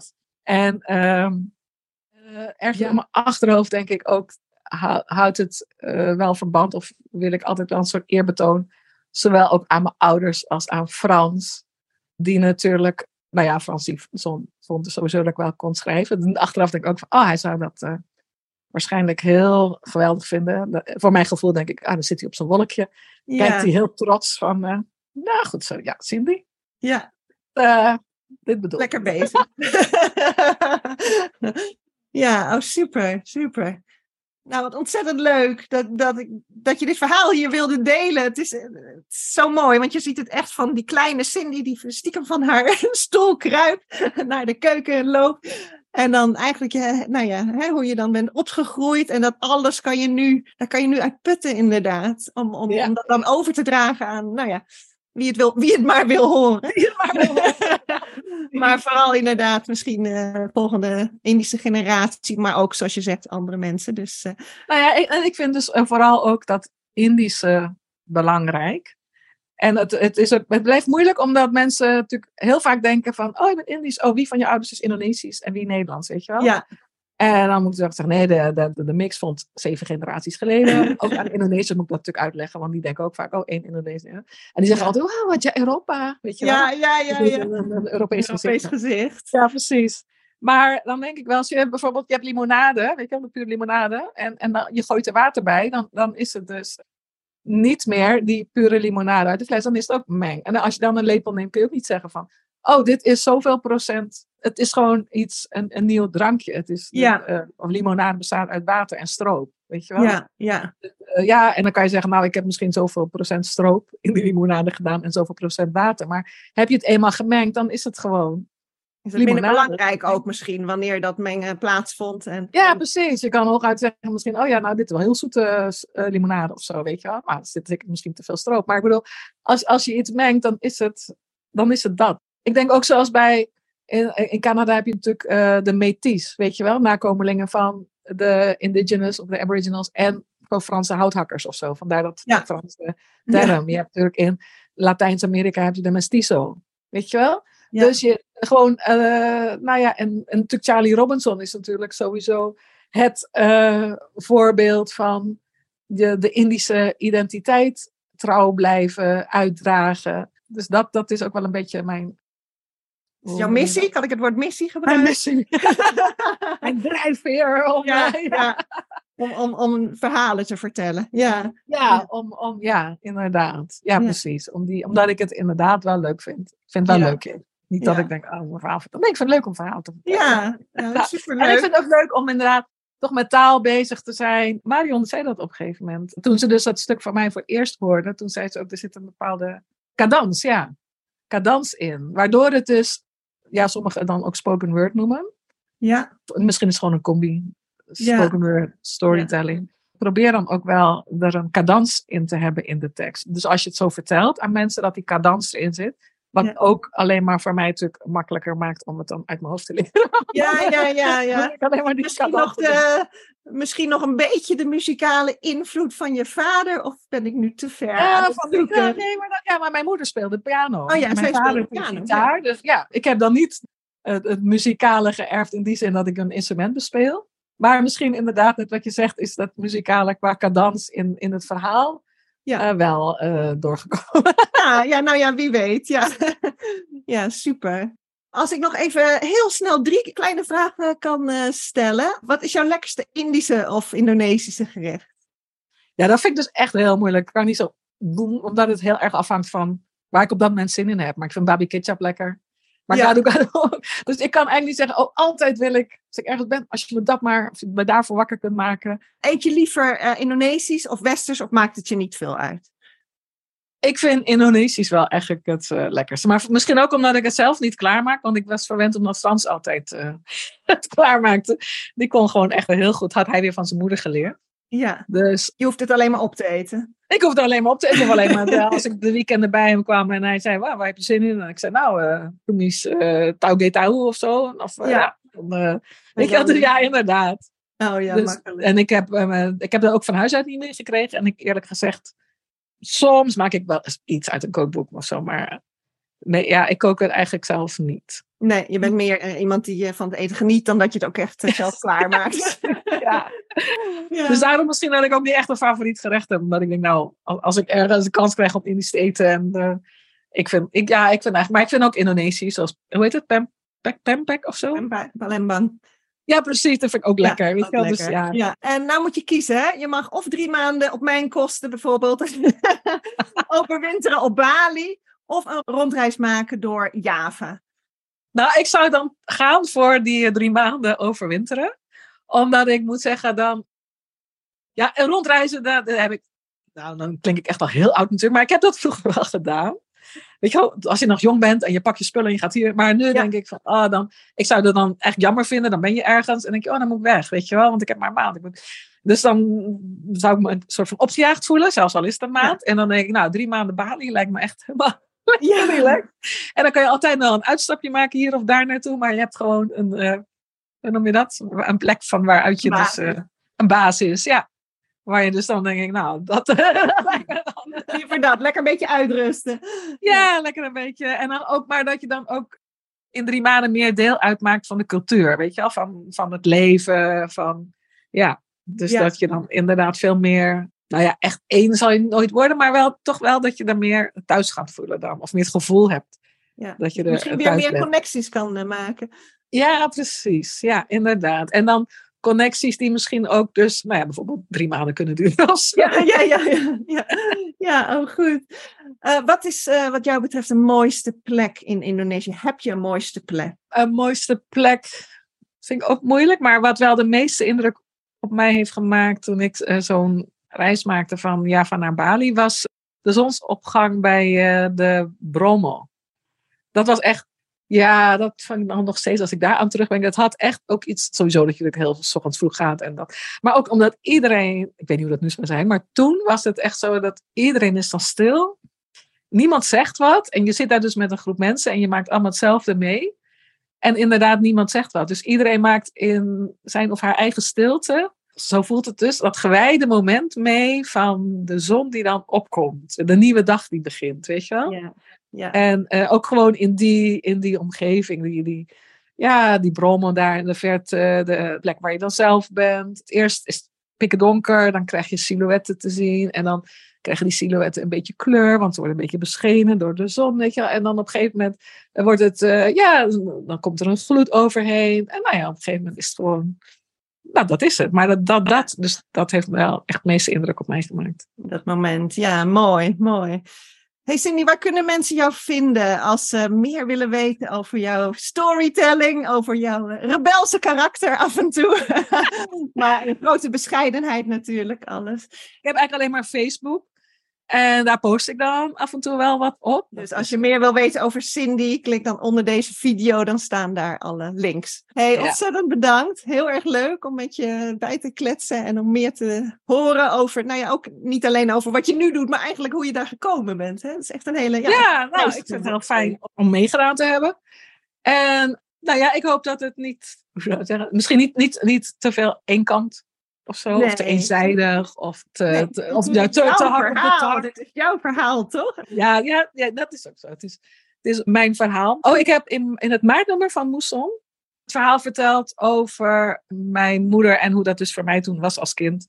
Dat mijn moeder in sanatorium was en Oh. dat ik als kind in het thuis was. En ja, dat is op zich ook door mensen wel goed ontvangen in de zin van nou, dat ze het een mooi verhaal vonden. Ja, ja. Vivian, de hoofdredacteur, had op een gegeven moment vanwege het thema veerkracht. En toen had ze het een onderwerp, of in, er kwam een artikel over opvang in uh, sanatoriums. En toen vertelde ik, uh, oh, maar ik heb ervaring als kind, weet je wel. En toen zei ze dus, oh, misschien wil jij dan, hè, dus dat persoonlijke verhaal als aanvulling op dat soort van overzichtsverhaal. Toen zei ook collega Jessica, zei ook van, ja maar Cindy, het is jouw verhaal, dus daar kan ook geen goed of fout aan zijn. Het is gewoon jouw verhaal. Jij vertelt wat jij hebt meegemaakt en zoals jij het hebt meegemaakt. En als er misschien mensen zijn die dan denken van, nou zo was het helemaal niet, want bij mij was het anders. Nou, dat kan. Het kan voor een ander anders zijn geweest, maar dit is jouw persoonlijke ervaring. Dus dan, oh ja, nee, dat is goed. Geen goed of fout. Ja, absoluut. nou, gewoon heel fijn dat jij jouw verhaal hebt verteld hier. En ik in ieder geval vond het heel erg interessant. En ik weet zeker de, de luisteraars eh, van de podcast ook zo. Dankjewel. Absoluut. En Sampai Jumpa. Sampai Jumpa. Bedankt voor het luisteren naar deze extra lange aflevering van Indisch en Indonesisch. Met verhalenverteller Cindy Smits. Ik hoop dat je het met mij eens bent dat Cindy van alles en nog wat is en kan. Maar in ieder geval is ze niets half. Na afloop van dit gesprek heb ik overigens nog een paar keer contact gehad met Cindy. En bij die gelegenheid vertelde ze me dat ze haar voordracht Serpentines inmiddels al een aantal keren en op verschillende manieren heeft voorgedragen. Geregeld, zoals ook bij de Leidse Bassar, waar ze in ons gesprek aan refereerde, vormt Serpentines de opmaat naar een discussie over de thema's die in haar voordracht aan de orde komen. Thema's zoals afscheid nemen, ontheemding of juist je thuis voelen en dergelijke. Heb jij interesse om Cindy te boeken om haar Indische voordracht Serpentines te houden? Al dan niet gevolgd door een Indische discussieavond? Kijk dan in de show notes voor meer details. En in die show notes staan overigens ook de Indonesische woorden die we in deze podcast gebruikten, inclusief vertaling. En Janti spreekt ze nu nog een keertje uit. Anak Bahasa Sunda. Canting. Ce. Gunung. Ibu. Kampung. Kancil. Keripik keroncong kerupuk Mbak nakal nenek moyang pasar pecok pela salak sudah tutup wajah Europa.